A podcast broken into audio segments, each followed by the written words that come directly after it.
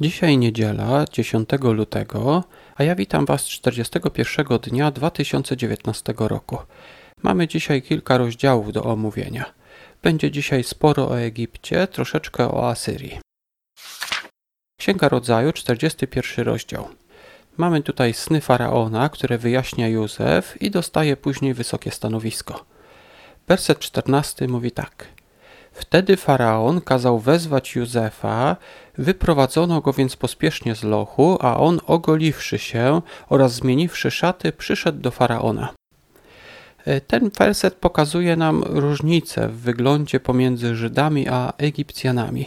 Żydzi mieli długie brody, nawet później prawo mojżeszowe mówiło, jak powinny one wyglądać, natomiast Egipcjanie golili się, e, golili swoje twarze i golili także głowy. E, prawdopodobnie właśnie przez ten fakt bracia później nie poznali Józefa. Wzięli go po prostu za Egipcjanina, nie zauważyli, że on także jest Żydem. Druga kronik, dwunasty rozdział. Niewierność Rehoboama i kara od Boga. Czy kiedyś oglądaliście poszukiwaczy zaginionej arki? E, mowa tam jest o pewnej teorii, że to właśnie Egipcjanie zabrali arkę ze świątyni. I ten rozdział opisuje to, o czym mowa właśnie w tym filmie. Druga Księga Kronik, 12 rozdział, werset 9 mówi tak.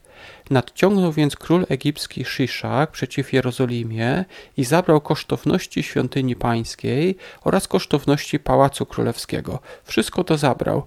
Zabrał również złote tarcze, które sporządził Salomon. Z tego wersetu dowiadujemy się, że król egipski Szyszak Zdobył Jerozolimę i splądrował świątynię oraz pałac. Wprawdzie mowa tutaj tylko o zabraniu kosztowności ze świątyni, ale być może do tych kosztowności zaliczono także arkę i ją także zabrano. Później nie wspomina się już o arce w świątyni, tak więc jest to całkiem możliwe, że to Szyszak zabrał e, tą arkę ze świątyni w Jerozolimie. Nahuma, trzeci rozdział. Mamy tutaj proroctwo o zniszczeniu Niniwy, gdy odkopano jej ruiny, kiedy znaleziono w końcu Niniwę, widać było na ścianach ślady ognia. I o tym właśnie mówi werset 15. Nahuma 3:15. Tam pochłonie cię ogień, wytnie cię miecz, pożre cię jak szarańcza. Rozmnóż się jak chrząszcz, rozmnóż się jak konik polny.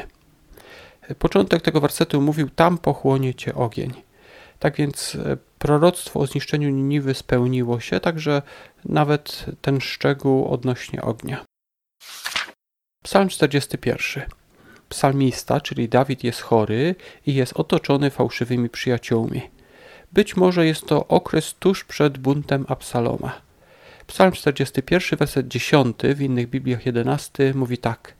Nawet mój przyjaciel, któremu ufałem i który chleb mój jadł, podniósł na mnie piętę.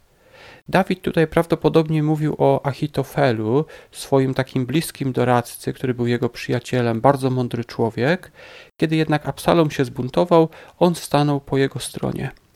Ten sam werset jest zacytowany w Ewangeliach i mowa tam, że to było proroctwo, które się spełniło na Judaszu.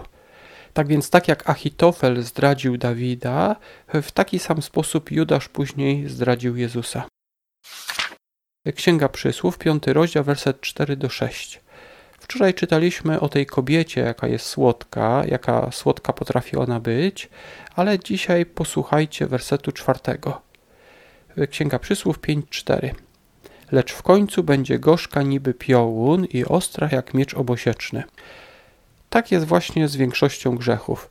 Dają one przyjemność w danej chwili, ale później przychodzą skutki, które są gorzkie to tak jak zjeść coś słodkiego, od czego potem będzie bolał nas brzuch.